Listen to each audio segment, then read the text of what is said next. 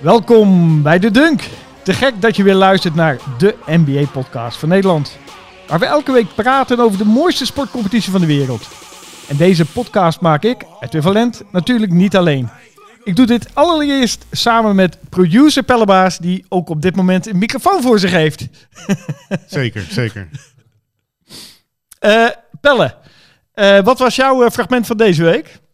Nou, ik, eh, ik zag mijn, eh, mijn held eh, LeBron weer fantastische dingen doen. Namelijk een prachtige Ja Morant-achtige 360 eh, layup Zeker, ja. tegen, tegen Houston.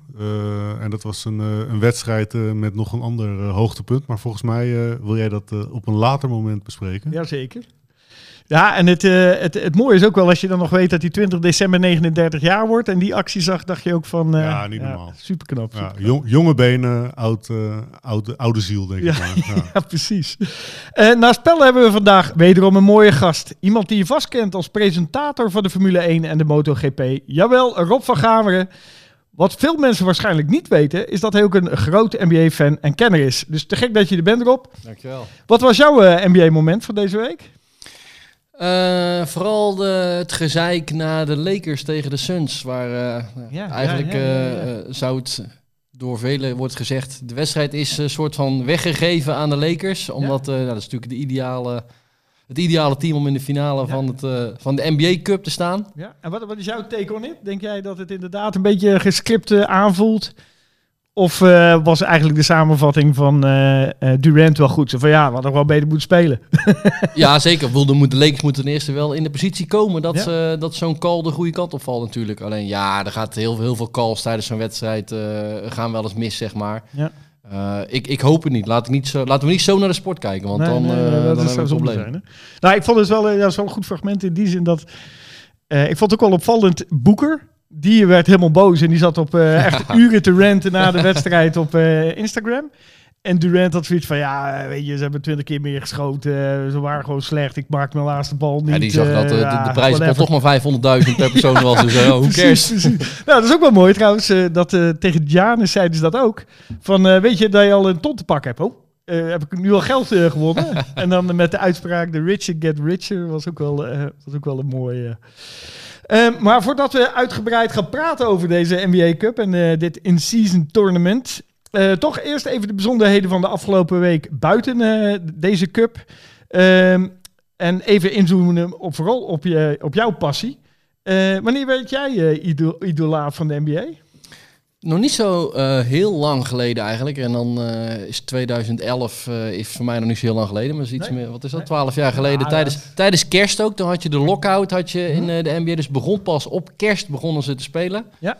En ik had eh, mijn, mijn allereerste vriendinnetje moest ik eigenlijk naar eh, kerst naar die familie toe. En ik had er eigenlijk helemaal geen zin in. en toen dacht ik, ik meld muziek. begon als een excuus. Ik dacht, ik meld muziek. En toen ben ik in bed blijven liggen. Maar dan moest ik natuurlijk tegen mijn ouders ook eh, volhouden dat Ja. ik inderdaad ziek was. Dan ben ik in Ja. bed blijven liggen. En toen, ja, wat is er op kerst? Heb je Home Alone, heb je voor de veertigste keer wel Ja. gezien. En toen was daar de Bulls tegen de Lakers op, op eerste kerstdag. Voor ons, ja, fijn is dat de normale kerst, zeg maar. Maar voor ons Ja. eerste kerstdag. En toen maakte eh Derrick Rose, eh, die maakte het laatste schot... terwijl de Bulls met nog twee minuten te gaan 12 punten achter stonden. En Ja. eigenlijk, Ja. toen dacht ik, nu ben ik er. Ja, ja, Dat vond ik zo mooi. En eh, ja, daarna ben ik... ik, ik kende natuurlijk de Bulls wel. Ik natuurlijk Space Jam gezien als kind. Ja. En toen ben ik de Bulls eh, blijven volgen. Eerst was dat natuurlijk via illegale stream... eh, dat je de pixels nog eh, kan tellen, zeg maar, in beeld. Ja. Ging ik elke nacht, of het nou twee uur was, drie uur of vier uur, heb ik gekeken. Oh, wat goed. Dus zo, zo begon het. En wa- wanneer ben je er dan ook, ben je er ook iets mee gaan doen? Journalistiek? Want dat is jouw achtergrond volgens mij. Je een ja. journalistiek Ja, gedaan. ik eh, studeerde toen HBO journalistiek. Ja. En ja, je kan niet echt geld verdienen zeg maar, met basketbaljournalistiek in Nederland. Toen zei je bijvoorbeeld voor de NOS, wat doet er voor? Maar ik was echt een studentje, dus toen... voor een website schreef ik en toen ging ik ook, ik woonde vlakbij Den Bosch, ging ik Ja. naar eh, Den Bosch, een van de beste eh. Nederlandse teams, zeg maar, eh, ja. ging ik daar. Ging ik ook voor een website, schreef ik dan een, een wedstrijdverslag, zeg maar. Dus zo ben ik er langzaam ingerold en helemaal gek van geworden. En ja, via social media kan je het de Ja. hele dag in de gaten houden natuurlijk. Ja. Dus vanaf toen af aan is het elke dag, nou ja, eigenlijk de hele dag door, hou je jezelf op de Ja. hoogte. Maar dan is eigenlijk waar iedereen jou voor kent, Formule 1, MotoGP... Is eigenlijk een tweede liefde naast de NBA of is dat iets te ver? eh? Ehm, nou ja, kijk, met de NBA ben ik eh, niet werkzaam bezig. Dus dat is. eh, hobby misschien is de liefde dan eigenlijk Ja. bijna wel groter Ja, dan zeg maar. Als je werkzaam doet, dan, dan kan het soms werk voelen, Formule 1, MotoGP. Alleen NBA is puur hobby, dus dat voelt soms iets puurder, zeg maar. Want ja, dat, ik hoef het niet te volgen in principe, maar ik doe het met zoveel liefde. Daarnaast ook nog eh, wielrennen heb ik hetzelfde mee, zeg Ja. maar. Dus je hebt, Ja. eh, je hebt een bijna fulltime, eh, fulltime baan om alles eh bij te houden Ja, tegenwoordig. En wielrennen doe je volgens mij zelf. Maar heb je ook zelf gebasketbald? Zelf basketballen? Nee. Tenzij jij eh, te- eh, treurloos eh, alleen op een veldje. Tel ik. En, en, en dat je dan, dat je dan per, ongeluk, per ongeluk drie drie punten achter elkaar. En er is niemand in de buurt. Nee, ja. Niemand heeft het gezien. Niemand heeft het maar gezien. ja, dan denk je, ik ga toch mijn telefoon even een keer rechtop Ja, zetten. ik ja, film het ja. even voor het geval dat ik zo meteen weer drie raak schiet. En dat lukt soms wel eens. Maar zodra er één hand in je gezicht komt, dan raak je helemaal niks meer. Nee, dat-. Dus met iemand anders kan je er helemaal niks meer van. Dus die illusie heb ik niet dat ik enig talent heb. Nee, nou ja, goed. Maar je hebt er wel de, de, de liefde voor. En heb je ook een liefde voor een, een team of een speler? Ja, omdat dat dus met Derrick Rose eh, begon eigenlijk. Ja? En eigenlijk al met Michael Jordan in het verleden, zeg maar. Dat Chicago Bulls was toen ja, het team. Eh, als, als je iemand met merchandise rond zag lopen, was het of met Bulls of Lakers. Ja. En eh, ja, van mij was het omdat Derrick Rose, die was, dat is wat het waren mijn held van de eerste wedstrijd die ik echt van begin tot einde heb gezien. En tussen Derrick Rose en de Chicago Bulls eh, eh, draag ik wel een warm Ja, hart ja, toe. Alleen dat is in beide gevallen hopeloos op dit moment. Ja, natuurlijk. nee, dat is... eh, ja, maar ja, wat, wat, wat denk je daarvan? Wat, wat moet daar gebeuren? Vooral bij de, bij de Bulls nu? Bij de Chicago Bulls, eh, ja, Zach Levine is nu eh, Ja. tussen haakjes drie, vier weken geblesseerd. En eh, er waren natuurlijk heel, waren heel veel trade rumors. En ik vind dat echt, goed, dit is natuurlijk makkelijk roepen hier vanaf zo'n luie stoel. Maar dat vind ik echt, het is een showspeler. Je kijkt er Ja. graag naar, je komt ervoor naar het stadion. Ja. Maar om wedstrijden te beslissen zou ik hem toch liever niet hebben, zeg Nee. maar. Nee, nou ja, ik heb die, die, die stat niet helemaal paraat. Maar ik las vorige week, volgens mij als hij speelt, hebben ze minder kans om te winnen. Ja, ze hebben nu, hij is er nu drie keer niet bij Ja. geweest. Ze hebben nu drie keer op rij gewonnen. Ja, dat kan natuurlijk. Ze Ja. spelen misschien. Ze Ja, spelen de punten is ook, dus- beter en eh, de, de, de, de balmovement is ook eh, volgens mij anders. En, eh, maar ja, goed. Maar goed, en dan zie je weer dat de, blijkbaar de Lakers hebben dan interesse om hem te halen. Dan moeten ze daar D'Lo voor opgeven en. Hachimura moeten ze daar... Dan denk ik, nou, er gaat toch wel iemand een keer een wedstrijd van de Bulls hebben gekeken, of niet? bij, bij de Lakers. Dan ga je, dan ga je toch niet binnenhalen dan? Nee. Dan ga je toch niet drie volwaardige eh, rotatiespelers voor opgeven? Nee, ja, dat is- En voor zo'n contract, want hij verdient 40 miljoen eh, per jaar. Ja. Ik zou er nog wel twee keer over nadenken. ja, nee, dat- Alles voor de highlights, hè? Alles voor de highlights. Ja, nou, ja, ik was dit jaar in Parijs bij die eh, NBA-game. Ja. Speelden de Ja. Bulls tegen de Pistons. Toen scoorde die eh 30 punten en een paar lijpe dunks. Ja, daar moet je natuurlijk wel voor bij Zach Levine zijn. Dus Ja. toen zat ik ook wel te genieten. Goed, in het stadion beleef je het anders dan dat je eh, als een zure man eh, naar het scherm zit Ja, te nee, kijken thuis, zeg maar. Maar en eh, als je het nu volgt, zeg maar, kijk je veel live nog? Of is dat tijd een beetje lastiger met je werk? Ja, goed, je hebt natuurlijk de zondagwedstrijden, die, die kan je natuurlijk live, die vroege wedstrijden kan je natuurlijk zien. Op, heb je op zaterdag ook wel eens eentje bij zitten. Eh, en die wedstrijden die om 1 uur Nederlandse tijd beginnen, daar pak ik dan vaak de eerste helft van. Ja, en dan ja. daarna is het natuurlijk de volgende ochtend kijk je ja, de, de, de befaamde 2,5 minuut eh, highlights waarvan je, je weet, ik krijg hier niet het gevoel van de wedstrijd in mee, nee. maar, maar je hebt toch het idee dat je er heel veel van weet aan het Ja, einde, zeg maar. en goed, je houdt natuurlijk alle social media bij, dus je krijgt alle hoogtepunten en alle gekke dingen en alle gekke interviews en rare uitspattingen, die krijg je allemaal wel mee. Ja. Eh, alleen ja, de tijd van eh, twee uur s'nachts uh, tot half vijf 's ochtends Ja. kijken, die is wel voorbij, ja, Ja. want dat is zwaar. Want die vriendin waarvoor je toen, die heb je ook niet meer. Nee, nee. Ik wou zeggen, dat zou misschien nog een excuus kunnen zijn. Misschien was de NBA het begin van het einde. Sorry.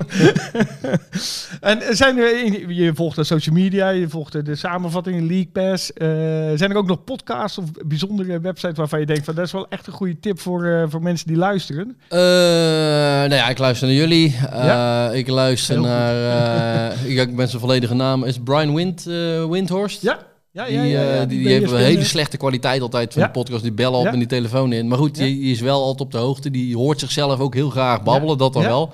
Maar kan het wel hebben. En dan kijk ik veel op eh, NBA Reddit. ja. Dan krijg je natuurlijk alle gekke dingen. Dan kan je gewoon op nieuws klikken en dan krijg je gewoon alles op een rijtje. Dus dan is eigenlijk de snelste manier. Want als je op je tijdlijn scrolt van Twitter of X, hoe het tegenwoordig ook heet, of, of Instagram, ja, dat is helemaal vervuild. Er zit zoveel reclame tussen Ja. of andere mensen van andere sporten. Maar als je echt een lekker overzichtje wil, dan eh, kijk ik toch vaak op Reddit. eh, dan, krijg ik alles, eh, alle gekke Ja, momenten van de dag en interviews en alles komt daar samen.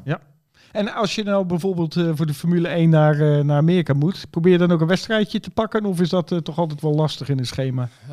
Nee, ik ben van Formule 1 eh, ben ik, reis ik niet echt mee. Nee? Dus dat doe ik uit vanuit de studio in Nederland. Ja, maar MotoGP wel, MotoGP hè? wel, ja. En die, als, als die naar Amerika gaan, ja, dan gaan wij niet mee. Want dat is net iets te ver weg en net iets te duur. Dus ik ben, ik ben in, mijn hele leven nog nooit in Amerika geweest. Oh, serieus? Ja, serieus. Nou, Dus ik heb is- wel veel NBA-wedstrijden gezien, maar die waren altijd dan in, eh, in Europa. Londen. Ah. Die, eh, die januari-wedstrijd, Ja? eh, daar ben ik een paar keer geweest met Francisco Elson. eh, Ja. dus ik heb wel NBA-competitieduels gezien. En ook een paar pre-season duels, maar nooit in Amerika. Oh, dat is dat, echt heel is, slecht. dat is ook eigenlijk ook mooi dat je dat nog Ja, dat een keer er mag gaan doen. Staan nog op de bucketlist, ja. Ik zat toevallig vanmiddag nog te kijken naar New York of zo. Maar goed, dat is misschien ook niet het team waar je wil zijn. Maar ja, je betaalt je helemaal schil in die hotels staan natuurlijk ook Ja. altijd. Ja. Ja. het, staat, het staat in de planning. Nou, eh, Sander eh, Lantinga die eh, vertelde eh, twee weken geleden ook dat hij... eh, hij gaat in januari, maar dan vooral naar het Texasgebied. Ja, dan, eh, dan kan je naar San Antonio, dan kan je naar eh, Houston. Hij moet Wemby natuurlijk even zien spelen. Moet Wemby zien spelen? Doncic, Doncic. Ja, ja, ja. Ja, dat is wel... eh Nee, maar dat is wel mooi dat je dat nog eh, voor de boeg hebt eigenlijk, hè? Heb je LeBron eh, live zien spelen? Eh, LeBron niet. Ik, ben wel, eh, ik heb wel veel eh, New York Knicks gezien. Dus ik heb een tijdje in eh, New York gewerkt. En toen ben ik veel eh, naar New York Knicks eh, geweest. Was wel in de tijd dat ze nooit iets wonnen. Het was wel in de tijd van eh, Jeremy Lin dus, en, eh, en Oh, ja, ja, Anthony. ja. Dus dat was, dat was nog wel te gek. Ik heb ze nog zelfs een keer gezien in de, in de playoff tegen Boston. Dat is ook nog wel een leuke wedstrijd. En ik heb ook inderdaad die Bercy-wedstrijd in Parijs ook wel gedaan. Ja, ja, ja. De Stoudemeyer, die hangt achter je. Die heb ik toen bijvoorbeeld zien spelen met, met Carmelo ook. Dus ja, ik, ik, ik heb wel al het geluk gehad, maar dus, ik wil ook nog bijvoorbeeld een keer naar Miami. Ja. En, eh en de Lakers, hè? moet er eigenlijk wel een keer een beetje de Messi van, eh, van Ja, de NBA. Ik heb eigenlijk wel, eigenlijk wel een keer gezien. Ik heb hem ook niet gezien, hè? dus ik denk echt, ja, de tijd begint toch te dringen. Nou ja, de- voordat zijn zoons eh, in de NBA zijn. en voor die tijd stopt hij niet. Dus, eh, Ja, misschien naar Parijs hè, deze zomer. ja. Oh ja, dat is goed. Oh ja, natuurlijk spelen. Ja, Spelen. maar om daar aan een ticket te komen zijn we helemaal 1700 euro verder, Ja, denk ik. hè? gelijk. Ja, ik ben dat is waar. We moeten wat voor over hebben. Ja, ja, nee, dus- Hij komt. Gaan we lopen janken over een beetje Ja, geld. Hè? Nee, dat is helemaal waar. Beetje geld. Maar eh, nu, nu we het er zo over hebben, hè, heb je het idee dat het eh, echt leeft nu, de NBA in Nederland? Vind ik lastig eh, inschatten. Ik, eh, op, op werk bij, eh, bij Ziggo lopen een aantal jongens rond die ook de NBA volgen. Ja. Goed, het is natuurlijk niet echt een, in, in mijn familie of zo, zeg maar. Die zijn niet de meest gigantische sportliefhebbers. Die, die volgen het toch al niet, zeg maar. Dus Nee. ik, ik vind dat lastig, lastig te zeggen. Ik weet ook niet hoe het met kijkcijfers zit, bijvoorbeeld bij eh ESPN. Dat blijft natuurlijk toch altijd een lastig Ja. ding hè, om Ja. dat eh, te meten. Maar Tijd ook. Ja. maar ik, ik vind wel, als je bijvoorbeeld merchandise op straat ziet, dat is geen eh, afspiegeling van of mensen ook daadwerkelijk echt kijken. Nee, dat is waar. Maar dat, dat, zie, dat zie je wel steeds meer, zeg maar. Het wordt natuurlijk steeds hipper om... ze zijn natuurlijk ook steeds beter met die merchandise en die cappies om dat zo te doen. Dus in die zin zie ik dat wel meer. Ja. Alleen of het echt leeft, ik weet niet. Ik vind het, vind het zelf ook een... Ik denk zo wel eens, gooi er eens t- 30 wedstrijden uit per seizoen, weet Ja. je wel. Dan... eh, de- Soms gaan die wedstrijden in, in maart en april, die gaan helemaal nergens meer over Nee, vlak voor de nee. play-offs. En dan, of ze zijn allemaal geblesseerd als de, als de play-offs beginnen. En dan denk Ja. ik, ja, uiteindelijk eh, draait het om de play-offs. Hè, want dan, Ja. dan wil je iedereen hebben. Maar ja, als dan alle sterren ontbreken, ja, dan hebben we toch iets verkeerd gedaan, Ja, eh, zou ik zeggen. Ja, plus dat die, die play-offs, dat zijn Nederlanders ook niet gewend, de best of sevens. Nee. Dus dat is ook iets wat, wat, ze, wat, ze dan last, wat men dan lastig vindt. Ja. En daarom is een Super Bowl is natuurlijk voor... Dat is één wedstrijd. Er zijn wedstrijd, daar, Ja. daar zetten mensen wel de wekker eh, voor. Ja, je wordt gedwongen om, om zo'n hele serie ook te kijken eigenlijk. En eh, voor de diehards is dat geen probleem. Maar als jij als enigszins leek een keer inpikt, bijvoorbeeld bij een wedstrijd, en het staat eh 2-1. eh, 2-1, en dan Ja. moet je dat weer Ja. gaan uitleggen. En dan, eh, oké. NBA Cup, eh, wat dat betreft, eh, Ja, dat is ideaal. wel dat- verfrissend. Ja. Nu moet je hun eigenlijk uitleggen wat doelsaldo is. Dat is toch ook wel, dat is ook wel mooi. Dan gaan ze ervoor spelen, hebben ze weer ruzie Ja, met ja. elkaar, zeg maar. ja, dat is toch mooi, hè? Ja. Maar als ik me goed herinner, heb je zelf wel ook eens een NBA-programma gemaakt of gepresenteerd? Of... Eh, ja, bij ESPN hadden ze een, eh een Amerikaanse sportprogrammaatje. En dat, daar zijn ze onlangs mee gestopt. Dat hebben ze een aantal jaar gedaan. En daar hadden ze een... eh, ik, ik deed bij F1, eh, eh, in die uitzending bij Ziggo, liet ik vaak dingen zien die op social media gebeurden. Die goed, het grote nieuws niet halen, maar die wel geinig zijn. Of opmerkelijk, of nou ja, ludiek, whatever. En dat deed ik toen ook bij dat, bij dat eh ESPN in alle staten deed ik dat. Ah, ja, ja. Ehm, dus een beetje alle, alle gekke dingen van social media, van alle sporten. Eh kan ijshockey, honkbal, eh, basketbal. Meestal basketbal, omdat dat het dichtst bij mijn interesses lag.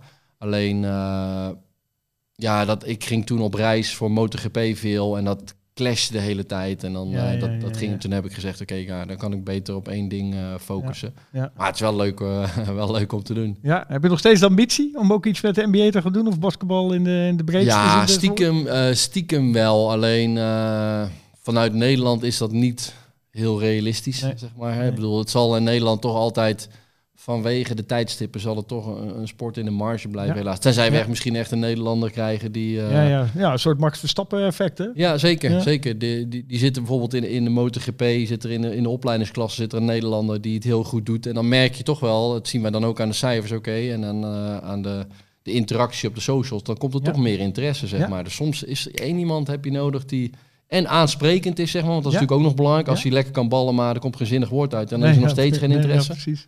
Dus Ja. daar, eh, eh, ja, daar moeten, we, moeten we eigenlijk op hopen, zeg maar. Ja. Dus, maar ja, natuurlijk, hè, als je die sideline eh, reporters ziet in de NBA, ja, natuurlijk, dan zouden we hier allemaal... ja, nee, we, zo, zouden, zo, we zouden vanavond de een, hand, een handkoffertje vol eh, flikkeren met wat kleding en we zouden staan we gaan, op toch? Schiphol. Ja, nee, zeker We weten. zouden zeker weten.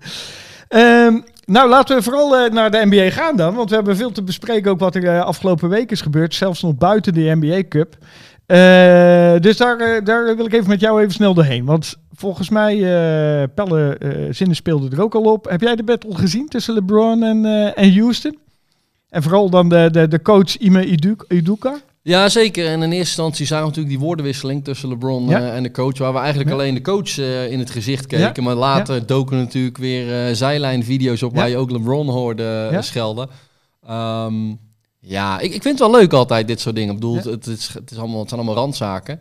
Maar eh, hoe, ja, hoe meer rumoer eromheen zit, hoe leuker, leuker. vind ik het. Nou, en ik vond het ook wel stoer eigenlijk van, eh, van LeBron dat iemand eh, ja, al, al constant het woord bitch had te gebruiken tegen Ja, de ja. tegenstanders. Dat die zegt, ja, don't use that word so loosely. Ik vond het ook nog wel eh, poëtisch gesteld eigenlijk.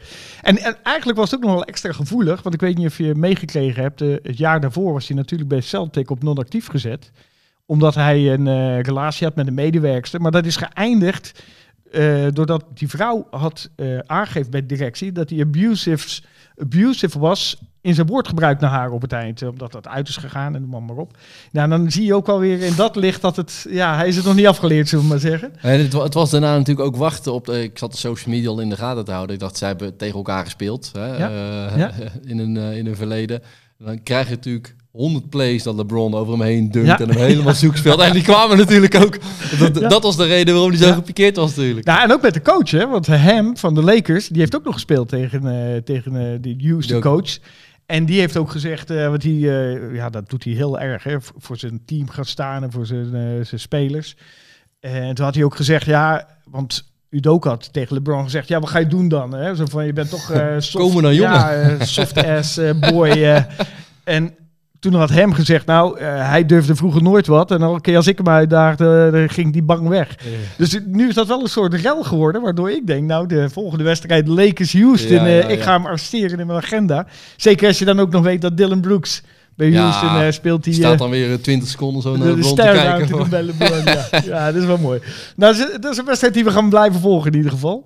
En heb je ook nog eh, meegekregen van Oklahoma tegen Dallas? Dat was de Ja. grootste run ever. Ja, ja dus bijzonder, het- 30 punten achter elkaar scoren. is een 30-0 run. Ja, En dan toch nog de Ja, wedstrijd dat was wel verliezen. ja. Dat is ook bizar, hè? Maar het was 100, 111, 87 inderdaad. Eh 9 minuten voor tijd. En toen scoorden zij 30 eh, punten onder leiding van eh Doncic. Nou, dan denk je eh, 111, 117. Nu is het uitspelen met nog een paar Nou, minuten. dat is toch weer terug. En dan was het toch nog uiteindelijk 126, 120. Dat was een mooie, mooie wedstrijd ook om te kijken. Ehm, en wat ook nog wel opvallend was deze week, eh, was een interview dat eh, Adam Silver, de eh, commissioner van de NBA, aangaf dat hij ja, dat misschien de NBA twee teams erbij gaat krijgen. Dus ze zitten te kijken of Las Vegas een franchise gaat krijgen en Seattle. Dat, dat- Seattle wordt er langer over gesproken. Maar bij Las Vegas voelt het wel dat een soort opmaat is natuurlijk. Want je hebt de vrouwen die de afgelopen twee jaar kampioen zijn geworden. De Las Vegas Aces. En natuurlijk nu de NBA Cup. En er was al de Summer League. Zou jij het, eh, zou jij het eh, toejuichen? Dat er ook een team is eh, in Las Vegas. ik denk dat ze al die spelers vast moeten keten in het hotel. Anders janken ze het hele jaar. Zeker erheen. Alles op, op mijn nummer, 34. Ja. Ja, ze hadden er ook die, die promo gemaakt voor de NBA Cup. Was ik al in een casino, weet je wel. Ja, en het, het ligt natuurlijk heel dik bovenop dat die jongens al hun geld vergooien. Nou ja, op zich, ja, ik, ik zou zeggen in dat soort roemruchte steden, dat, dat, dat spreekt aan natuurlijk. Ja. Hè? Ik bedoel, als jij eh, eh, nu een tripje Vegas gepland hebt, zeg maar. Ja, ik zou er niet zo snel naartoe gaan nu dat casino Nee. is. Dat kan mij bij. Maar als daar bijvoorbeeld een NBA-team zit, denk ik, nou, Ja, dan ja, wil ik ja, nog wel ja. een keer overwegen om een keer te gaan kijken. Ik bedoel, ik ga mijn geld niet vergokken. Maar als ik daar een NBA-wedstrijd Ja. mee kan pakken, dan eh in, in, die nieuwe, in die nieuwe hal. die sfeer. Ja, Die sfeer. ja, Nou goed, ze hebben de Formule 1 onlangs gehad Ja, in, eh, ja. in Vegas. Dat, eh, dat begon eh, lastig, maar dat was, uiteindelijk was dat een groot spektakel ook, zeg maar. Ja, het plaatje aan zich was natuurlijk al geweldig, maar ook gewoon uiteindelijk het racen waar ze bang voor waren, was ook spannend. En, dus nee, ze hebben zichzelf goed op de kaart gezet. Dat sfeer inderdaad, ik, toen ik dat voor het eerst erbij zag komen, dacht ik... Dat is op zich ook wel een, een venue waar je misschien een keer geweest moet zijn, hè? Ja, nou, ik heb het de Summer League gezien in Las Vegas. Het is wel te gek hoor. Het is wel, want het is natuurlijk allemaal heel klein. Dus als daar eh, NBA is in de stad, dan kom je ook iedereen tegen. Dat, dat maakt het natuurlijk wel, eh, wel grappig. Maar als je dan kijkt naar de Formule 1, hè, er was best wel veel eh, gedoe over dat het daar naartoe ging. Dat het te veel shows zijn, et cetera, et cetera. Maar inderdaad, volgens mij wat je ook concludeert, is het wel goed geweest voor de Formule 1. Zou zoiets ook echt buiten Amerika meerwaarde hebben als daar een team zou zi- zitten in Las Vegas, denk je? Gewoon voor het plaatje, voor, voor de marketing van eh, de NBA eh, als sport? Ja, nou kijk, je wordt natuurlijk uh, uiteindelijk in Seattle die plek kwijtgeraakt aan OKC. Ja, Ja. Dat, volgens mij staat, ja, als ik tegen jou zeg van je mag op reis naar Amerika, je mag plek uitkiezen. Volgens mij kies je dan niet Oklahoma uit, zeg Nee, maar. nee, nee. Dus ik snap dat ze een beetje verspreid moeten zitten, maar ja, in principe eh, had je het al lang verwacht dat er een, Ja. dat er een team zou zitten. Eh, zeg maar. Ik, ik zou altijd dat soort, ik zou dan volop op de hype meegaan en. Ja, je, je kan de shots van buiten al zien van het stadion natuurlijk, voordat Ja, de wedstrijd ja, ja, ja. begint. Ja, dan Ja. denk je, oké, als je thuis zit te kijken hier in Nederland om drie uur 's ochtends in je bed. Nou, als je nergens een keer naartoe moet gaan, dan, Ja, zou, ja, dan zou ja. dit er wel hoog op het lijstje Ja, staan. dat is wel... eh, Ja, ben je er wel eens geweest in Las Vegas? Of? ja, zeker. Maar- maar Eh, was jij ook ik, niet ik met mag daar niet al te veel over kwijt, maar ja, wat hebben ze in Vegas? ja, nee, zeker. We gaan Eh, snel doorkomen. Ja, ja. Dat is goed geëscaleerd, Ja, nee, hoor ik nee. al. Ja. volgende, volgende onderwerp. Eh, vorige week hadden we het eh, nog over de schoenenlijn eh, met bijbelteksten van Jonathan Isaac van eh, Orlando Magic. En deze week eh, komt de kersto-inspiratie van niemand minder dan eh, Dennis Rodman. Ja, ja, hij heeft eh, deze week namelijk eh, een eh, wijnmerk opgericht. Eh, Rebel genaamd. En de eerste fles, een Cabernet Sauvignon, in een limited edition is nu te koop voor het luttele bedrag van 160 eh, dollar. Maar dan krijg je wel zijn handtekening erbij. dus mocht je nog kerstcadeaus zoeken, check dan snel rebelbyrodman.com. En ja, als nou- dat dan ook net zo escaleert als die feesten van hem, dan, Ja. dan heb je aan één flesje heb je een leuk feestje. Ja, dan, dan houdt het niet op bij 160 dollar. en ja, nu we toch eh, in, de, in die bedragen zitten, nog een, eh, nog een laatste gokvraagje voordat we dan naar de NBA Cup gaan. Het, eh, shirt, van Kobe, het shirt van Kobe, dat hij droeg op zijn laatste road game, is deze week geveild. Wat denk je dat dat opleverde? Ja, wat de gekke voor betaald Er natuurlijk. zijn, ja, er zijn hier mensen voor die gaan hier 4,5 ton van neerleggen, denk ik. Nou, dit vind ik knap. Ja? Ja, 485.000 Oh, dollar. ja, dat is ja. echt eh, spot on. Nou, als je naar Las Vegas gaat, ga ik mee. Hoppakee. Alles op zwart. Alles wat Rob zegt.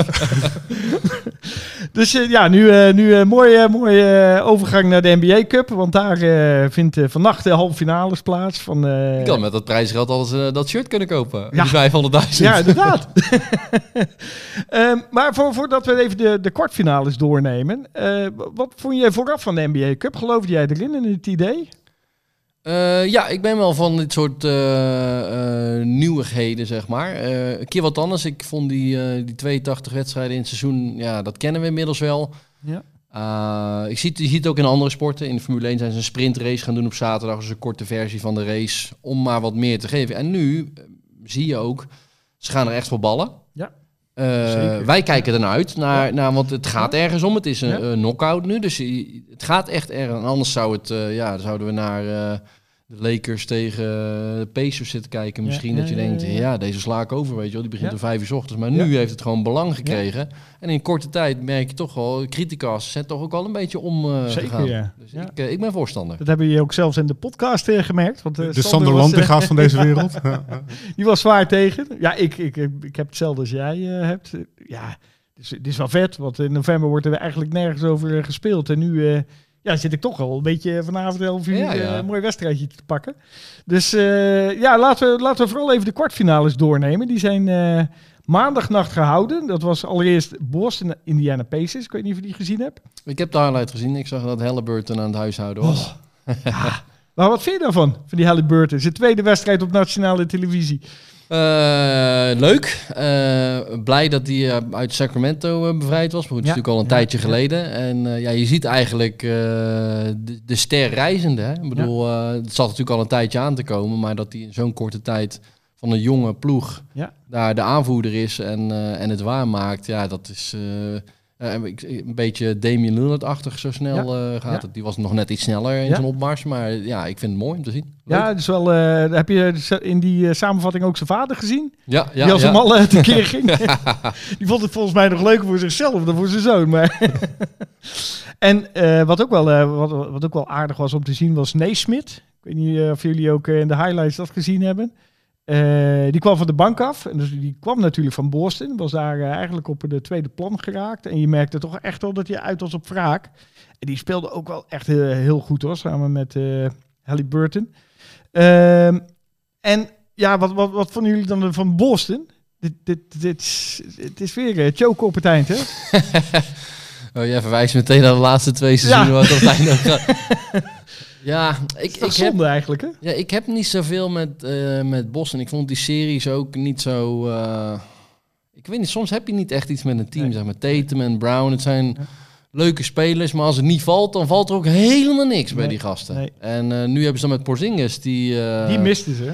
ja, ja die, is, die is verrassend fit en goed, Ja. zeg maar. Nu ligt hij dan Ja. even uit, maar die, die, die geeft wel iets extra's aan het team, zeg maar. Maar ik had ook het idee dat eh Porzingis, het missen daarvan, zorgde er eigenlijk voor dat ze niet goed konden spelen tegen de Indiana Pacers. Dat is natuurlijk, die gaan als Ja, maar dan is, dan is de spoeling wel heel dun. Als Ja, je dus één speler mist en dan dan kan je het al niet meer winnen van de Pacers. Even, ja, het is een redelijk team, de Pacers. Maar normaal gesproken zou je met één speler die wegvalt, moet je dat Ja, nog op kunnen lossen. speelde nu met Horford en Hauser. Maar ja, dat zijn nou niet... ja, ja, Horford...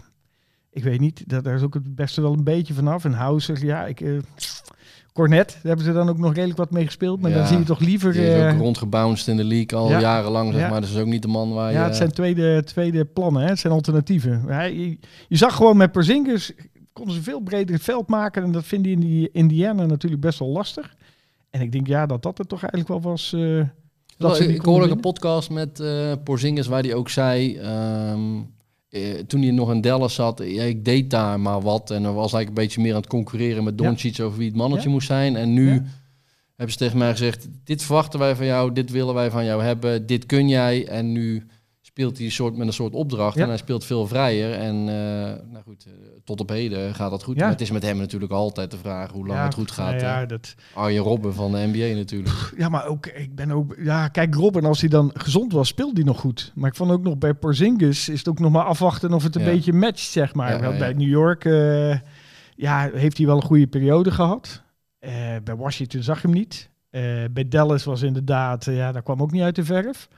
Maar ik, ik merk bij mezelf dat ik nu, nu zat te kijken naar een Boston zonder Porzingis. Dat je denkt, nou, maar hier heeft hij wel echt ja. functie. Ja, Ja, hè, ja, het is wel echt... eh, Ja. Maar dat is ook gelijk het, eh, de zwakte. Want als Porzingis niet speelt, kom je toch weer met spelers waardoor een Tatum of een eh, Brown toch niet helemaal... eh, En het maakt het ook leuker om te kijken, vind ik, als hij... het is heel... ja, het is met zijn lengte natuurlijk en zijn, zijn, nou, zijn capaciteiten eigenlijk niet echt bij zijn lengte passen. Zeg. maar. Het is meer een, een drieppuntschutter Ja. bijna. Dat je denkt... goed, er zijn er wel meer jongens eh, met die lengte tegenwoordig Ja. in de NBA. Maar je verwacht eigenlijk iets anders van zo'n eh, center, zeg Ja, maar. Maar eh, ik vind hem wel... Hij, hij geeft wel wat... wat show aan de, de Celtics voor mij om het wat meer te kijken. Want anders zou ik het... Maar goed, ik had het ook gek gevonden dat jij als Lakers-fan dan ook eh Boston... dat kan eigenlijk niet, hè? Dat kan eigenlijk niet. Ehm, New Orleans tegen eh, Sacramento Kings. Dat was de andere kwartfinale op maandag. Was volgens mij echt een indrukwekkende zin, eh, win van, eh, van eh, New Orleans. Eh, zeker als je dan kijkt wat die Zion aan het doen was. Die, die verdedigt gewoon niet meer. Hè? Die, hij is niet fit. Maar hij staat daar echt puur op zijn talent een beetje zijn ding te doen. Bulldozer is het. Hè? Ja, maar... Ja, Maar die heeft geen plezier in basketbal. Nee. Maar het irriteert me gewoon, want die Ingram eh, die was hartstikke goed. Eh, Jones speelde volgens mij ook eh, een goede pot. Eh van de Tunas, de center, die, eh, die was volgens mij ook echt wel... eh, ja, daar kwam het vandaan. En Design is eigenlijk een soort... Ja, moet je het zeggen? Een soort joker geworden die, eh, die af en toe zijn Ja. ding doet. Er kwam ook nog een video voorbij deze week toen hij tegen de Bulls speelde. Toen had iemand stiekem gefilmd, stond hij met een assistentcoach van de Bulls even te babbelen. Die zei, je komt er gewoon hier naartoe. Ja, ja dat zou ik wel... dus hij is, maar hij heeft natuurlijk ook problemen gehad. Vorig jaar is Ja. natuurlijk eh, Ja. gekkigheid met altijd Ja. een gebroken voet. En toen Ja. eh, was hij toch zwaarder geblesseerd dan in eerste instantie leek. En dan heeft hij weer een paar... Privé ook weer. Een paar vrouwen zwanger gemaakt, geloof ja. ik ook nog. Ja, het is dus ja, weet je, ja, maar ja, Klassiek dat- dat- NBA-verhaal. ja, dat zal toch allemaal meespelen. Als je Ja, toch, ja, als je, hoe oud is het gastje? Hij is nog hartstikke jong natuurlijk. Dus als je die ellende eh, privé ook nog allemaal hebt, zeg maar, ja, dan neem je toch mee het veld op. En als je dan, nou goed, zo, hij, is, hij ziet er zo zwaar uit altijd. Ja, Ik vind ja. het altijd lastig inschatten. Is hij nou, zeg maar, fit of niet, zeg maar? Charles Barkley, hè? Dat, dat, dat idee krijg ik een beetje als ik naar hem kijk qua fitheid. Ook vroeger, Charles Barkley was natuurlijk was een dikke reet. En, eh, maar die wist hem wel goed te gebruiken. Ja. Ja. En met, met Zion heb je het gevoel dat hij puur op zijn ja, at- eh, athleticism, zeg maar, eh, Ja. ja. aanvallend zijn ding doet en verdedigend gewoon. Hij heeft de helft van zijn wedstrijden die die kon spelen, heeft hij natuurlijk niet gespeeld. Maar goed, Nee. ze hebben toen vorig jaar, voordat hij eh, eh, weer geblesseerd raakte, hadden ze natuurlijk wel eens een hele goede reeks waar ze echt goed voor stonden. Ja. Ze hebben natuurlijk wel een goede kern eh, jongens. Ze hebben meer wapens dan Boston eigenlijk. Ja. Als je hebt ja. McCollum ook nog rondlopen, Echt, weet je wel. Echt de depth hebben ze op de bank hoor. Ja, maar goed, het zijn allemaal, allemaal blessuregevoelige jongens. Want Ja, Ingram ligt er altijd weer een, een poos uit. Nou, Williamson is altijd een twijfelachtig. Ja. Nou, McCollum is ook twijfelachtig. ja. Dus dan, Ja. ja, dat, dat vind ik altijd jammer. Dan soms heb je zo'n, hebben ze een hele goede reeks. Denk je, nou, hier zit iets aan te komen. En dan ineens, Ja. boem, boem, boem. Dan vallen alle dominostenen die vallen de verkeerde kant op. Ja. En dan eh, is het klaar. Ja, het- maar ja, ik, ik weet nou niet of een vloek of een zegen is voor eh, New Orleans. Want ja, het is, het is eh, niet een speler waar je echt op kan bouwen. Zo zei Die heeft er eigenlijk geen zin in. Hij, eh, hij verdedigt niet mee. Hij, ja. En die andere gasten die zijn best wel goed. hè. Zo'n Ingram had 30 punten.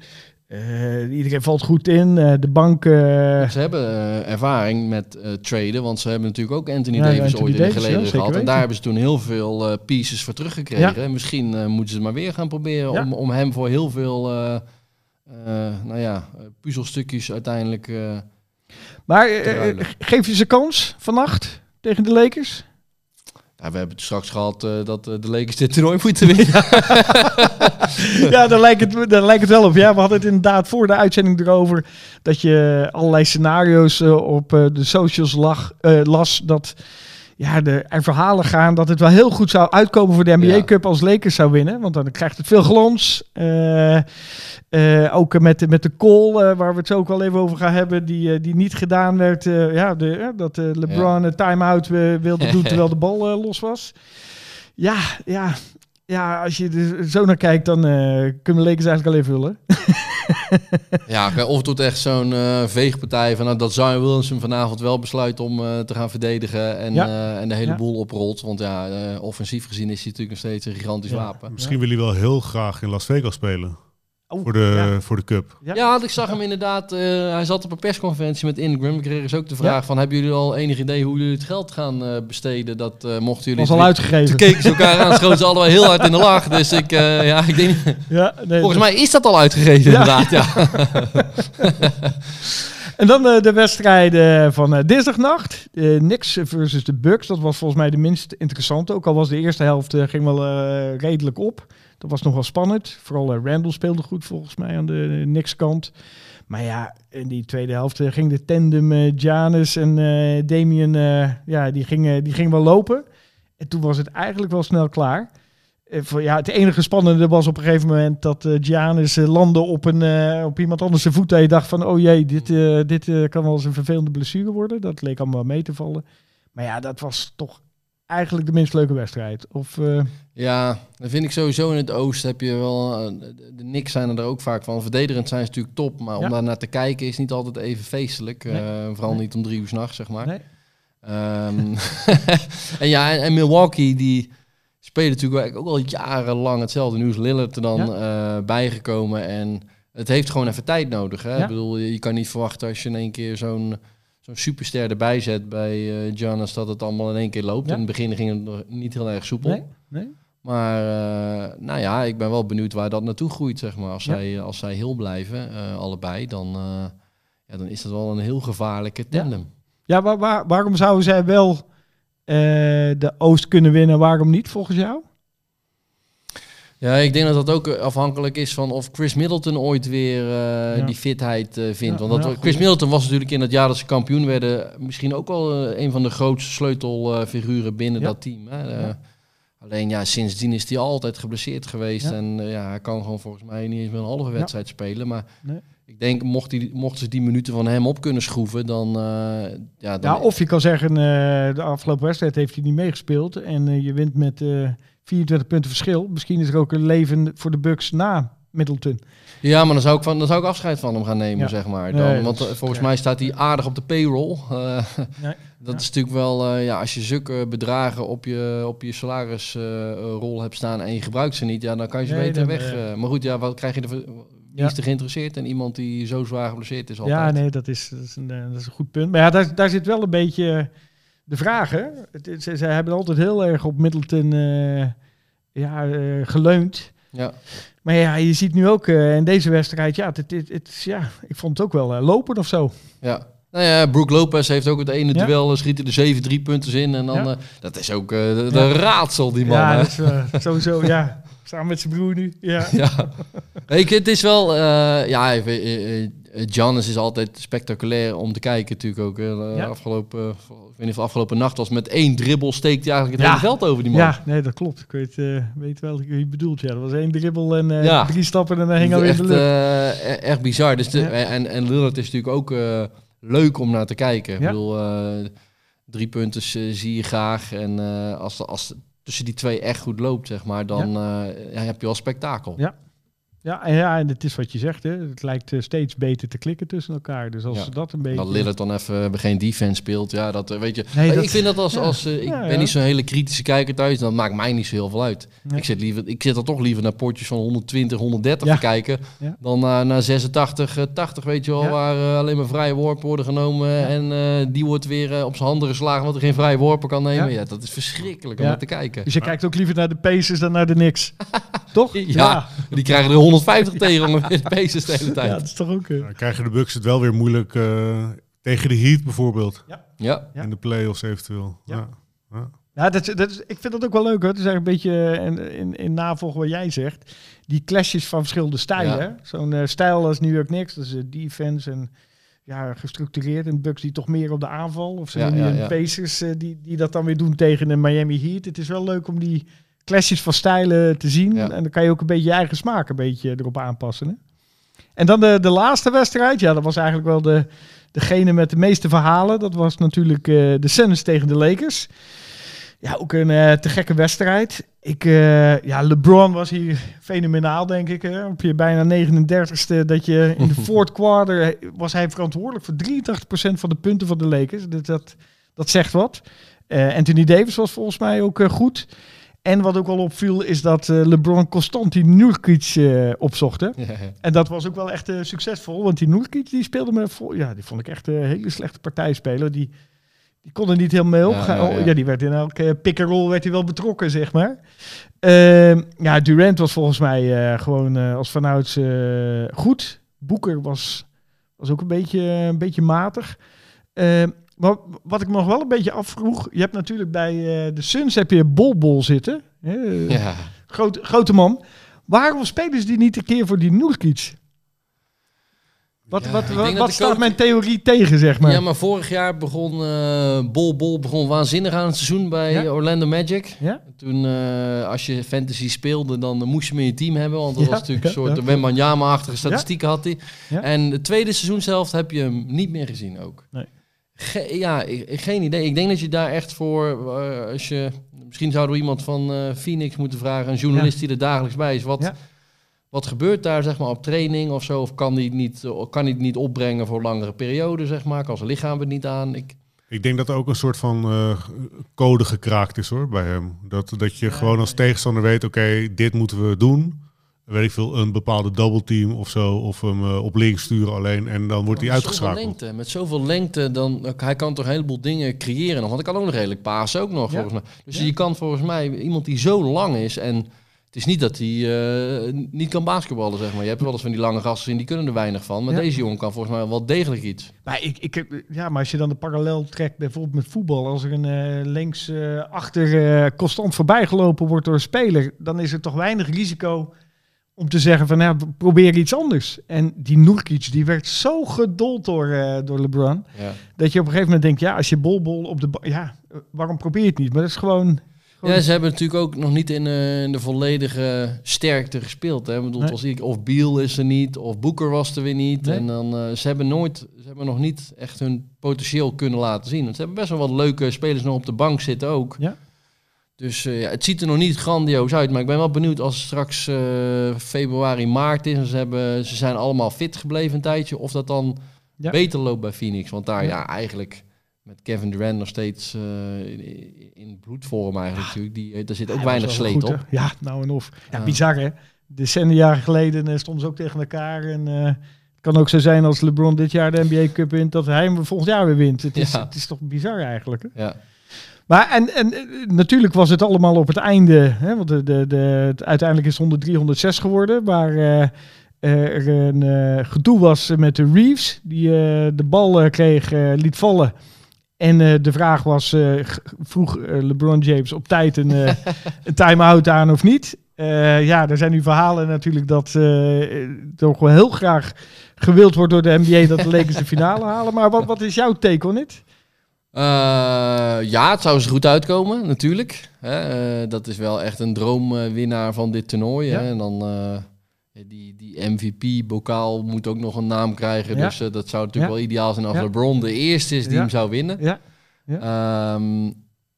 Ja, maar om nou... te- ik vind dat lastig, want dat, Ja. zou dat in de playoffs zou dat later ook weer hebben, zeg maar. Ja. Ik. Ik ben niet zo naïef om te denken dat, eh, dat er nooit iets gezegd wordt, zeg maar. Het zou, Ja. als we heel goed zou uitkomen de NBA, dat ze dat Adam Silver dat misschien ergens meegeeft, maar je, volgens mij is de NBA toch niet meer zo te sturen. Dat je, Ja, nee, ja, die, ja, als je het heel simpel kijkt, eh, als die laatste bal van eh, Durant erin gaat, dan eh, speel je weer door. ja. Maar ja, goed, eh, ja. Er zaten ook een paar geen non-calls in dat er echt de Phoenix-speler echt vol op zijn hand werd geslagen. Ja. Weet je. En dan, maar goed, dat gebeurt soms in Ja. het eerste kwart ook. Ja. En dan zien we nooit meer een slow-mo Nee. van en dat laten we gaan. Maar als het in het vierde kwart in crunch time gebeurt, dan gaan we 1700 slow-mo's erbij halen. En oh, bestolen dit, bestolen dat. Weet je, dus uiteindelijk, eh, je moet eerst nog in de situatie zien te komen dat je de calls eh, meekrijgt. En ja, dat is volgens mij wel een gegeven dat grote namen krijgen die calls eenmaal wat vaker Ja. mee dan Ja, als, ja, jij, ja, als jij of ik even op het veld zou Ja, staan. nee, dan, precies. eh, Krijgen we sowieso tegen, denk ik. ja. Maar ja, het, het, het mooie was ook wel, vond ik, de, de verschillen reageren bij de Suns. Boeken was echt heel boos. Die, die heeft tot diep in de nacht zitten ranten op de socials. dat hij tot terecht vond, de camerabeelden erbij. En daar viel ook wel wat voor te zeggen.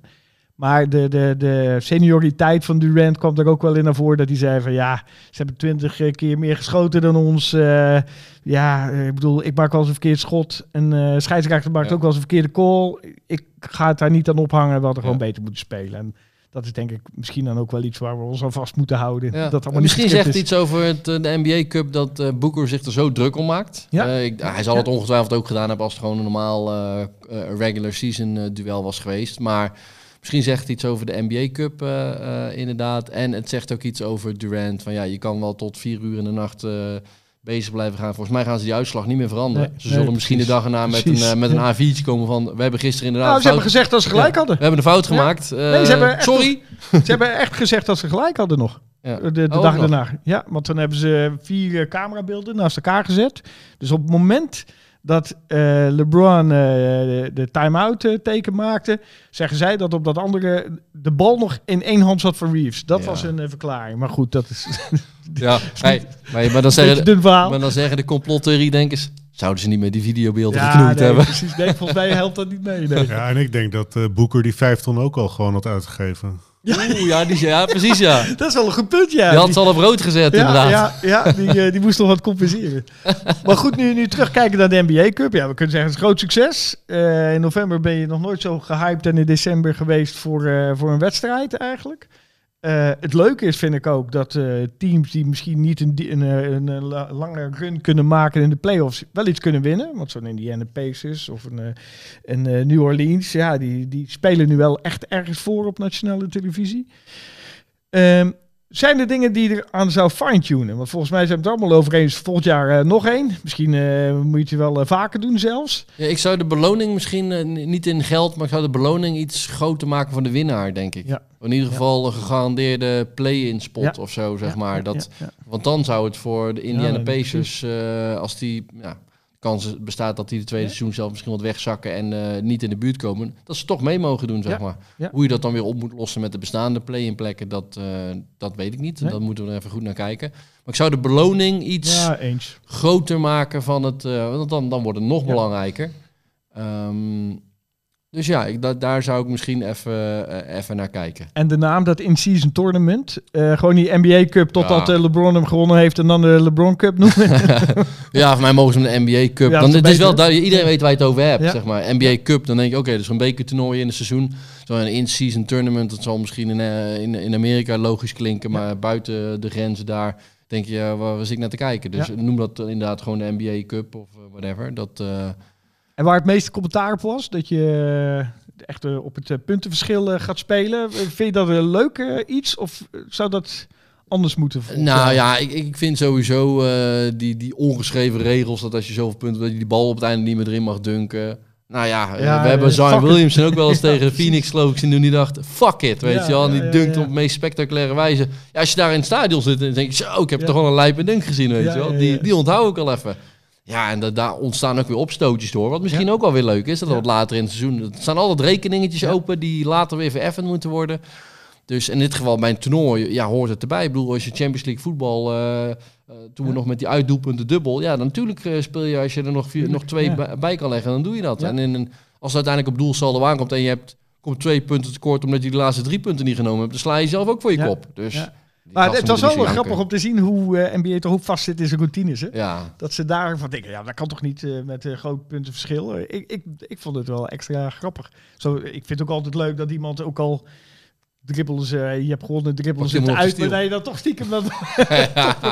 Ja, dat, dat is ook wel. Ik ben een paar keer ook in, eh, in, eh, in New York naar een NBA-wedstrijd mogen gaan. Dat, dat vond ik wel heel raar. Dan was het een blowout game. En dan was de, was de arena na zeg maar vier minuten voor, eh, voor het einde was, was leeg. Ja, ja, ja, ja. Ja, het is ook Ja. wel een beetje atypisch publiek natuurlijk in New York. Ja. Er zijn toch veel mensen die daar gewoon op vakantie zijn en eh, op zo'n manier naar de NBA gaan. Maar ook wel weer denken, ja, we moeten ook nog de metro naar Brooklyn pakken. ja. Dus jij vindt mij atypisch publiek. Dat is eigenlijk. Ehm, en nu, nu we weten wie er, wie gewonnen hebben, vannacht zijn dan de halve finale. Dus de Pacers tegen de Bucks en de New Orleans tegen de Lakers. Nou, Pelle, wie, eh, wie, gaat, eh, wie gaat Pacers Bucks winnen volgens jou? Nou, ik, ik vond het wel, wel leuk wat Rob zei. Dat je eigenlijk een, eh, een, een soort van ja, sportieve prijs er nog aan moet hangen. Dus een, een, een, een play-in spot, zeg maar. Want dan ga je ook cupfighters creëren. Weet je, een beetje in het, eh, in het bekervoetbal bij het voetbal, het bekervoetbal in, in Nederland ziet. Weet je, de, de FC Utrecht van deze, van deze wereld. En dan zou een, een finale Pacers tegen Pelicans Ja, zou natuurlijk geweldig zijn. Ja, twee, twee teams die niet echt een eh, hele... Zou de nachtmerrie voor de NBA zijn nu? Ja, eh, Zeker. Ja, ja, of, ja, ja het, is, het zou inderdaad eh, het zou de Giannis of de LeBron Cup kunnen worden. Maar nee, ja, ik, ik zou dat wel heel erg tof vinden. Dat je, dat je juist twee dynasties hebt die eigenlijk niet zo heel veel hebben ge- gewonnen of gepresteerd. Maar dit is diplomatiek. Je, je, je bent nu in Vegas. Je hebt eh 1000 euro. Op wie zet je het in? Pacers Bucks? Ja, nee, ja, dan sowieso Bucks Lakers voor het, voor het plaatje. Dus voor het plaatje zou je de Bucks Lakers Ja, wat maar voor, eigen geld? Wat zou je dan doen? Ah, oké, oké. Nou, dan, dan zou ik toch voor de Bucks gaan. En ja, Pelicans, ik denk, denk ook voor de Lakers. Ja, ja? En jij, ja. eh, Rob? Ja, dat is een saai antwoord. Eigenlijk moet ik een ander antwoord geven, maar ik ga ook mee. Ja? Ja? Eh, Ik denk toch dat de Pacers eh, de Bucks gaan pakken. Ja? Ik denk het. Die Halliburton, die, eh, die, is, die zit op een wolk. Dan moet hij 60 Zo- punten maken hè, vanavond. Z- Zijn vader die juicht hem eh, er naartoe. Ja, maar Giannis weet nu dat hij er geld mee verdient, hè? Wat? Giannis weet nu dat hij er geld mee verdient. Dus, en dat hij eh, nog meer krijgt Precies. als hij... Dat is wel gevaarlijk, ja. Nou, ik, ik heb toch het idee dat eh, de, de Bucks zich daar nog wel eens in kunnen gaan verslikken. Ja? Op een of andere manier. Ja, ik heb het idee dat die Pacers, die, eh, die geloven erin. En ja, dat geloof ik niet bij eh, New Orleans eh, Lakers. Dus ik, eh, ik ga voor Pacers, Pacers Lakers. Nou, eh, zo even allemaal in ja, we- toepen. precies. We gaan, we gaan er even een grote, de winnaar grote pot van maken. die, eh, Ja, ik denk wel de Lakers. ja? Ik denk wel dat... Toch een eh, omgekocht. Nou, ik denk echt die LeBron, die denkt gewoon, ik ga dit gewoon winnen. Ik wil de GOAT worden. Wat In heeft, Jordan, wat heeft Jordan niet gewonnen? Ja, de NBA Cup. Dus voor hem werkt het wel. Ja, ik denk echt wel dat hij, eh, dat hij dit toch gewoon even mee wil pakken. Zijn kinderen zijn er. Hij, eh, ja, Hij, hij, hij heeft wel Ik vind het sowieso daarvan. wel... Ja, ik, ik heb wel een zwak altijd voor eh, LeBron. En hij heeft natuurlijk ook veel haters en mensen die... Hij wordt altijd vergeleken met Jordan. En natuurlijk, misschien is hij niet zo goed, maar wat hij betekent gewoon voor deze generatie is wel echt... Ja, het is eh, ook in het social media tijdperk, weet je wel. En zo lang nog zo goed zijn. Je hebt ze allemaal gezien, de voorbeelden van zodra ze eenmaal 7, 38 waren... en in één keer ging het bergafwaarts Ja, gewoon met hij de zag bij. Kobe eh, natuurlijk. Op een gegeven moment kon hij ook niet meer dunken. En, Nee, nee. En, en LeBron lijkt gewoon eh, niks te verliezen. Maar die zorgt ook zo goed voor zichzelf. Het lichaam ziet er altijd top uit. Dat, ja, dat, heeft, dat stretcht toch zijn carrière een Ja, het is toch een, een, moderne topsporter wat dat betreft. Dus, eh, maar ook, ook op maatschappelijk vlak eh, laat hij zich eh, vaak horen. Ja. Wat bijvoorbeeld een Jordan natuurlijk eh, niet heeft gedaan. Was natuurlijk ook niet van die tijd en dat is nu wel van die tijd. Want daar krijgt hij ook een hoop gezeik mee, LeBron. Ja. Als hij dan zeker. een keer iets Ja. zegt, dan steekt hij zijn nek uit. En dan zegt hij, ja, maar ja, toen over China hebben we je niet gehoord. Hè, want daar heb je weer belangen. Dus je krijgt Ja, altijd de ja, ja, die- hypocrietfactor ja, eh, toegespeeld. Maar ik, ik zat mee ook in de voorbereiding hier eh, voor deze uitzending ook na te denken. Als je die link maakt met, eh, met jouw sport, zeg maar Formule 1. Zie je er niet heel veel parallellen? Hamilton, ook een eh, groot kampioen, zeven keer gewonnen. Wordt toch ook heel veel mensen irriteren aan hem. Heeft ook wel veel haters. En dat is bij LeBron ook. Ik bedoel, hij, ja, hij heeft nog nooit in die zin dingen verkeerd gedaan... waardoor je zo'n haat tegen hem zou kunnen hebben. Ja. Maar er zijn toch wel echt veel haters, zeg maar. Er zi- zitten zeker parallellen. Lewis eh, Hamilton wordt ook 39 in januari, eh, Ja. als ik het goed zeg. Eh, is eh, in fysiek in, in de allerbeste staat van alle coureurs. Ja? Eh, En heeft daar ook, eh, dat, dat heeft echt zijn carrière verlengd, denk ik. Want Ja? er zijn alle concurrenten van hem die een paar jaar jonger zijn, die teugels een beetje hebben laten vieren. Sebastian Vettel bijvoorbeeld, die kwam gewoon Ja. ineens na de zomerbreak. ja, ja het, tegenwoordig is alles vetshaming en, en Ja. bodyshaming. Maar als jij 20 miljoen op je rekening nee, gestort krijgt, het het enige dat je hoeft te doen is in vorm te verschijnen en dat lukt niet. Ja, dat, ik vind dat best wel erg eigenlijk. Ja, Iets te veel honing eh, gegeten waarschijnlijk. ja en, en, en je carrière is gewoon om zeep, zeg maar. Eh, want het ging ineens heel snel, zeg maar. Het, de snelheid eh, raak je gewoon ergens kwijt. En als je dan ook nog fysiek eh, niet meer op kan brengen, ja, dan gaat de aftakeling heel snel Ja. natuurlijk. En dat heeft Ja. Lewis ook. En hij doet politieke uitspraken. Eh, Ja. hij, hij zet zich in voor eh, meer diversiteit in de, in de Formule 1 paddock. Ja. Want dat is, was voornamelijk eh, wit en man, Ja. zeg maar. Ja? Dus daar is hij hard mee bezig. En ja, daar krijgt hij heel veel haters mee. En af en toe zegt hij, eh, na elke race zegt hij, eh, overal is het beste publiek ter wereld. Ja. Ja. riep hij Ja, altijd. ja, en dan stond hij in. Abu Dhabi voor een lege tribune en riep hij nog. dat, dat, rek- Ja, dat dat wekt natuurlijk irritatie op. En hij was dat Max Verstappen natuurlijk dwars eh, in 2021.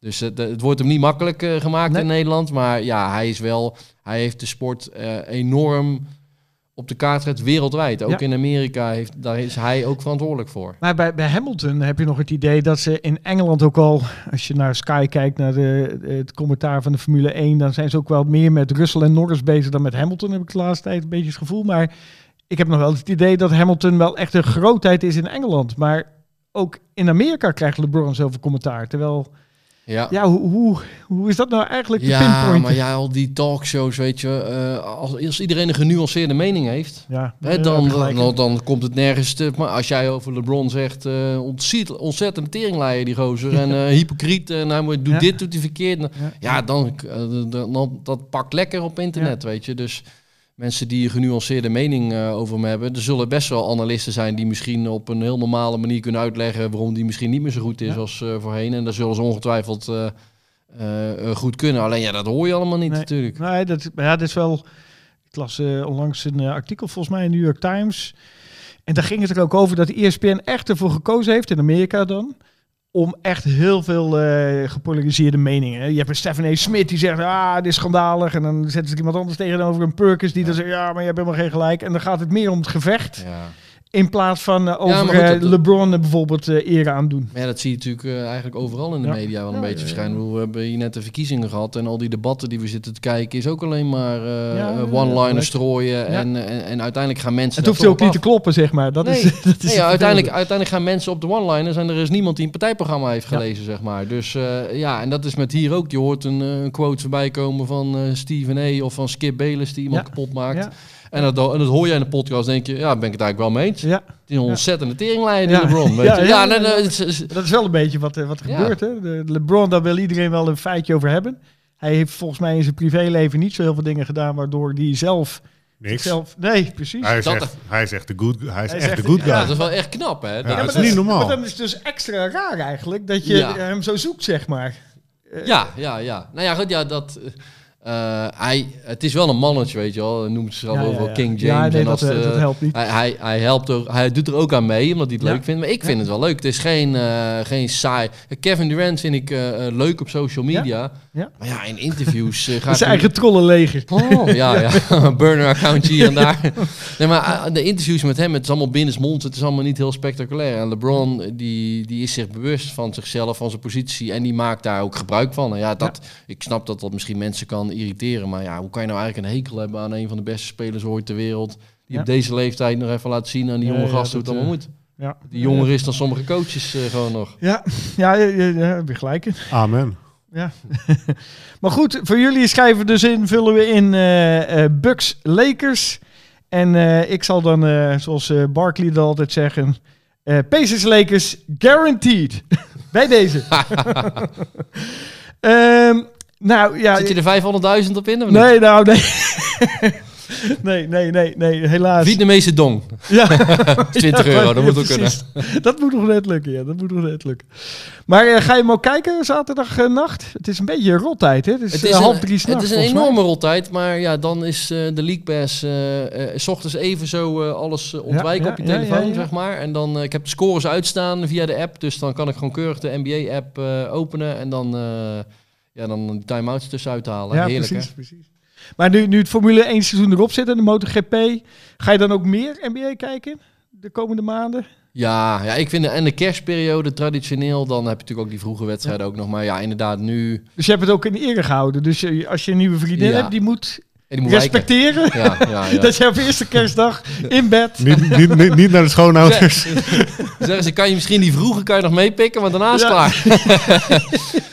Nou ja, deze periode wordt er nog echt, eh, wel echt flink om gebald, ook in, eh, in, in het reguliere seizoen. Kijk, in, in februari en maart dan zijn een hoop teams al uitgeschakeld, dan, eh, dan gaat het er al minder om. Dus ik vind nu, de, de periode nu, is vaak vormend voor het, eh, voor het regular season. Dus dat, dat is een van de favoriete periodes nu Ja. om te kijken. Dus dat, gelukkig valt dat samen met de winterbreak van, eh, Ja, van het ja, racen. Dan heb ik wel meer aandacht ervoor. Want eh, als het echt playoff time is, dan is het voor jou ook wel de piek in het werk waarschijnlijk. Dat is wel, Ja, vaak, wat is het, mei, april, mei, juni zijn dan inderdaad, ja, ben ik vaak op pad. Ja. Dus dan is het, dan kan ik niet even 's ochtends nog de, terugkijken. Dus de, dan, de League Pass. de, de League Pass is dan echt, ja, en die samenvattingen zijn wel goed. Maar goed, ja, misschien eh, inderdaad gewoon een ander continent verhuizen en wat gezeik af, hè? ja, precies. dan kunnen we toch live zien of, eh, de, of het is tien uur ochtends. ja, ja, wat, je, lekker. wat je zei voor de uitzending. Hè? Als je nu naar Japan gaat wonen, dan kan je gewoon 's ochtends bij tot bij kijken. man. Hoe relaxed is dat? Ja. Maar even eh, een beetje ook als, als einde wil ik nog even je brain pikken qua voorspellingen. We zitten toch een beetje in die Las Vegas Ja, sfeer. we hè? gaan, we gaan nu inzetten. Nou, nu, nu iedereen die moet nu meeschrijven. Wat, wie, wie denk jij dat de rookie gaat worden van dit jaar? Oh. Dat is toch een leuke discussie Ja, aan het ik zag de rookie ladder dat eh Wembanyama niet bovenaan staat Nee, en dat het is wel Chet Chet. Holmgren is. Gakes is eh, in de opmars van Miami. Ja, Staat nu ja zeker. Maar goed, ik, ik verwacht Ja, niet. eh, Brandon Miller twee natuurlijk ook, die, die, Ja. die begint ook steeds beter te spelen. Ik hoop dat Wembanyama... Ik hoop dat ze wat meer wedstrijden gaan winnen, de Spurs. Want ze hebben er nu alweer, wat is het, 15 op rij eh, Ja, ook verloren. eh, vannacht eh, weer verloren. Eh, ik, ik hoop het, want het is natuurlijk... eh, ja, het is gewoon een unicorn als je hem ziet. Het is eigenlijk te gek voor woorden wat je ziet... Wat je ziet gebeuren. En eh, hopelijk weten ze hem wat beter te vinden. Want hij wordt af en toe gewoon natuurlijk overgeslagen. En eh, ja, dat team is gewoon... ja, die, die hopen gewoon laatste te worden en nog een paar goede spelers erbij te krijgen natuurlijk. Dus Ja. dat, in die zin helpt dat niet mee voor zijn campagne. Maar eh, laat ik dan de hoop zeggen, eh Wemby. Wemby. Ja. En jij, Pelle? Ja, ik, ik hoop ook Wemby, maar ik denk, eh, ik denk het niet. Nee, toch chatten. Ja, ik denk dat OKC gewoon een, eh, een, een, een betere ploeg is voor een, eh, voor een rookie. Ja. Eh, een- nou, een warm bad wil ik nog niet zeggen, want het is natuurlijk een jonge ploeg. Maar wel een ploeg die, eh, die ook andere, andere sterren... een outsider denk ik voor de titel. Ja, ja, nee, ja zeker. Ja, Het- nee, ze doen het gewoon super leuk en het is, eh, het is, het is gewoon goed basketbal dat ze spelen. En dat is eh, voor, een, voor een rookie, denk ik, eh, waar best wel wat druk op de schouders zit, eh, wel, wel een, een- ja, een warm bad. Ja. Ja, ik, ik denk ook dat je, waar je ook geld op inzet, het zal nooit heel veel opleveren. Nee. En wij, en wij, geven geen, we verliezen, hè? wij geven geen financieel advies, hè? Heel belangrijk om dat, dat is eh, wel even, een, eh, ja, disclaimer, ja. precies, ja. En wie wordt volgens jou de MVP? Eh Embiid eh, vannacht eh, gingen we over de Luka. 50. Luca. Ah. Ja, moeten ze wel de play-offs halen dit jaar. Want dan, ik vind wel, je moet wel echt een, goeie. fatsoenlijke ranking halen uiteindelijk. En de, kan niet eh, zeg maar negende worden in de regular season en dan MVP worden. Want dan nee. heb je het ook iets niet goed gedaan. Maar eh, ja, Luca denk ik, eh, als je die, die cijfers ook ziet en hoe belangrijk die is voor dat team. Ja. Als die heel blijft, Ja, dan eh, is Luca. Jij Pelle? Ja, Ja. ja, ik denk dat het toch weer Jokic wordt. Ja. Ik denk, ja, ik denk dat het wat dat betreft best een, een nou, saaie play of niet. Maar ik- hoe leuk het, zeg maar, dit deel is van, van, van de competitie, ben ik toch bang dat de Nuggets best wel gaan eh, Ja. domineren weer. Ja, het enige is zou, zou misschien kunnen zijn als het, eh, ja, ze hebben nu even iets mindere periode, maar als ze straks zo, zo zeker zijn van de play-offs dat ze minder gaan spelen. En, en Luca zullen ze altijd nodig eh, blijven hebben, dat hij, dat hij misschien zeg maar, op basis van minuten en, en, en stats dan uiteindelijk eh Jokic Ja. voor blijft. Ja. Ja, dat Jokic. Maar ik, ik moet wel lachen om- omdat jij nu Jokic zegt eh, bij Inside the NBA. eh, hadden ze het erover. Dan lieten ze de foto zien van Jokic die net voor het seizoen genomen eh, werd. Hij had een beetje... eh, Op, op een paard waarschijnlijk Hij, of hij zo. lachte een beetje raar, was net dik, stond met die bal. En toen zei Barkley ook... Als je dit, deze foto aan iemand laat zien en je zegt... dit is de beste basketbal Ja. ter wereld, dit Ja. gelooft niemand. Ja. Nou ja, eh, Dat is ook een beetje wat is. maakt hem ook interessant. je houdt van hem, want hij, geeft, eh, hij, is, hij is altijd zichzelf. Ja? Alleen, ik weet niet of het altijd zo geweldig is voor de NBA. Als hij bij zo'n interview na het kampioenschap zegt van... eh, oh, die huldiging, ik ga liever naar huis op paarden. zitten. Ja, ja. En heb je iets aan basketbal gedaan deze zomer? Nou, helemaal niks. Weet, denk ik, ik weet niet of dat dan dat Nee. uithangbord is dat je moet Vettel, willen zeg hebben. maar, eh effect. Ja, maar goed, het is natuurlijk weer galoos wat hij op het veld te Ja, doen. het is gewoon zo, als je volgens mij naar, naar NBA-wedstrijden, of toen heette het volgens mij nog niet eens NBA, uit de jaren 70, 60, da- zo'n speler is Jokic. Gewoon totaal statisch eigenlijk. Tuurlijk niet, maar als, als hij de bal heeft, eh half kort de bal heeft, ja, dat, dat, een beetje tegen iemand aanleunen en dan zijn bal uit zijn nek schieten. Maar het is wel echt een tovenaar. Ja, het is zo bizar. ook. Ook zo'n Ja. softe touch. nee, Ja, zeker het paas, maar als hij zelf de bal heeft en hij gaat voor een center move, Ja. Weet je, ja, het ziet er, weet je wat, wat, wat waar, waar bijvoorbeeld een, eh, een Nowitzki nog wel een soort van flair had. Ja. Ja, ziet, ziet het er bij hem gewoon, oh, het ziet er gewoon niet uit. Maar Maar het is hij- zo goed. En je hoopt toch af en toe stiekem op een dunkje of zoiets, om met die Ja. lengte, dat je denkt, nou, het moet toch makkelijk zijn om Ja. te dunken, maar Eh, komt het lastig van de vloer. Hij komt lastig van de vloer. Ja, ja, ik vind het geweldig. Het is eh, wat je zegt en dan, en dan meer open, open court, eh, meer paas. Ja, dat, dat, dat is, dat is Ja, niet waanzinnig. normaal. Dat is niet normaal. Ja. En, en als je nu zou moeten gokken wie de winnaar van Oost en West wordt, waar zou je nu voor gaan? Beetje nu, we zitten nu op de kort van de competitie. Ja, in principe gaat Boston dat natuurlijk eh, binnenslepen. Ze gaan niet meer choken. Nou, eh, tenminste, Ja. ze gaan het regular season gaan ze in het Ja. oosten winnen, maar ik denk niet dat ze... Ja, denk ik dat ze wel eh, ook echt één eindigen. Ik denk het wel, ja. ja. Eh, en in het westen... Ja, ik denk dat is ook saai, maar dan ga je, moet, ja, ga je ook Ja, weer voor. Denver natuurlijk. Ja, ja, ja. Jij ook? Eh, ik denk eh Bucks in, eh, in het oosten. Ja. Ja. dat die inderdaad wat jullie zeiden, het, het klikken tussen, tussen Damien en, en Giannis, dat dat steeds beter eh, gaat. En dat, eh, dat die toch wel een, eh, een, een eh, ja, wel echt eh, oosten gaat domineren. En, Ja. en, en wie gaat dan uiteindelijk winnen? Dan is het, Lange stilte. wordt dan toch Jokic of toch Tatum? Nee, ik wil, dan wil ik toch iets anders zeggen. Dan, dan zeg ik Phoenix. Ze Nou, gaan, ze gaan het toch ja. voor elkaar krijgen. Ze Ze, Ja. ze weten bol bol aan het praten. Ja, deze tip eh, die pakken ze hier Nee, ik gewoon zat, op, hè? zat toevallig eh, vanmiddag nog, te, want ineens in, eh, in LA, het andere LA, bij de Clippers, Ja. begint er toch iets van, eh, toch een beetje te draaien. Hè? We, hebben natuurlijk, we zijn natuurlijk altijd snel om eh, James Harden af te maken, maar je moet ze natuurlijk ook wel wat tijd geven. Je kan niet verwachten dat hij na een eh, transfer meteen eh, daar, eh, dat alles soepel loopt. Dat zou toch stiekem ook wel lekker Ja, zijn nee, als dat gaat wel- draaien. Maar goed, dat is natuurlijk ook weer de vraag, wie blijft er heel? Kawhi is natuurlijk ook al Ja. jaren aan het sukkelen. Wat vond je trouwens van zijn verhaal over eh, Van Harden, waarom hij weg is gegaan? Dat was toch een... Hij had een interview gegeven dat... eh, ja, hij, hem was de max beloofd, die kreeg hij niet en daarom is hij weggegaan. Ja, nou Is dat dan niet meer gebeurd? Of is het nou echt een goede afspiegeling? Ja, hij komt er altijd slecht uit. Omdat ik- misschien moet hij dan maar iets meer interviews geven waar hij dan eh, vaker openheid geeft, zeg maar. Dan krijg je ook misschien wat meer sympathie voor hem. Want hij houdt ook heel lang. Hij roept eerst iemand is leugenaar, dan houdt hij volgens Ja. maandenlang zijn mond Ja. stil. Ja. Of zijn mond dicht. En dan, eh, ja, hij heeft, hij heeft niet echt de sympathie mee. En het enige waar je hem ziet is in nachtclubs, eh, loopt hij geld te strooien en met strippers. Weet je, ja, het, het zit hem ook allemaal. in die zin zit het je dan ook Nee, niet mee. nee. Ehm, alleen, ja, het, het blijft een fenomeen. Maar goed, soms de jaren verstrijken natuurlijk. Hè? En wil je ziet bij, bij Russell Westbrook uh, waar uh, het, het, het decline is uh, ingetreden. Ja. En het, zou bij hem ook zomaar kunnen. Alleen hij wordt nog steeds zo betaald als een, ja. als een ultieme vedette. Maar hij heeft toen zelf die pay-card genomen in, in Philly een paar jaar geleden. Omdat hij wil, meer spelers om zich heen wilde. Nou, dat, dat deed hij toen heel goed. Alleen ja, als je dan later dan wel weer de max wil, ja, wat, uh, wat wil je dan Ja, dat was een argument, hè, volgens mij. Ik heb een uh, kut genomen, maar dan wil ik wel, uh, als ik dat dan een jaar doe, uh, de max krijgen. En die kreeg hij niet. Ja. ja, dat kwam ook omdat hij in de playoffs gewoon niet thuis was natuurlijk. Ja, kijk, het is natuurlijk zo goed recht. Ik bedoel, als iemand ja. het hem wil betalen, dan... als het en, echt toegezegd is, dan mag je er best een punt van maken natuurlijk. Zeker. Alleen, ja... Die bedragen, goed, ja. dat is een ander verhaal natuurlijk. Maar ja, ja als in principe als het je beloofd is en, ja. uh, en je hebt bewust een ja, dan, dan zou ik me ook genaaid voelen. En, nee. en, die gast is veel om geld te doen natuurlijk, dat weten we. Ja, nee, dat is zeker. Nou, Harden uh, heeft er niet zo moeite mee om dan een, uh, iets te ontwrichten, zeg maar. Die heeft die 500.000 al uitgegeven voordat wij in de club zijn. precies. Nou, voordat we afsluiten, nog een klein doorkijken wat uh, de komende weken allemaal op stapel staat. Uh, zaterdag natuurlijk de NBA Cup, gaat het kijken om half drie s'nachts. Maar er zijn nog meer uh, mooie wedstrijden, want vrijdagnacht, morgen dus, zijn er zelfs 13 wedstrijden. Waaronder Knicks, Boston en Kings Suns, ook wel aardige wedstrijden. Zondag is na de finale gewoon geen wedstrijden, dat is ook wel verfrissend.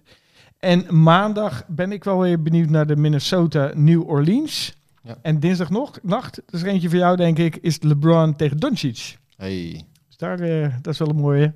Jullie nog andere wedstrijden die je toevallig al op de planning hebt staan? Of denk je die, nou. uh, die LeBron Doncic? Ja, LeBron Doncic vind ik wel een... Uh, ja, wel een mooie. Ook mijn twee uh, favoriete spelers op dit moment. Dus altijd wel tof om die twee, de, de future en ja, de, de past, zeg maar, te zien. Ja. Ja, daar gaan we daar voor, volgende, volgende aflevering op terugkomen. Dat is dus een uh, zekerheidje. Uh, jongens, Rob, Bellen, heel veel dank voor jullie aanwezigheid. Dank jullie wel, leuk. Uh, heerlijk om weer een uurtje te lullen. Er was veel te bespreken en er is veel gaan in de NBA. Dus heerlijk om, het is een soort, ja, hoe moet je dat zeggen? Een soort psychologisch uurtje, dat je even over ja. alles kan praten. Het is onze je, therapie, hè? Ja, het is ja. onze therapie, inderdaad. Uh, voor alle luisteraars, tune volgende week dus weer in. Via YouTube of je favoriete podcast-app. Dan uh, zijn Luc von Berg en Sam Planting van ESPN weer van de partij. En voor alle verdere informatie, check onze socials of dedunk.com. En als je opmerkingen of vragen hebt voor onze gasten, mail ons dan op de dunkpodcast.gmail.com. Dan zeg ik dank voor nu, tot de volgende keer en play. I go hard in the motherfucking paint, nigga.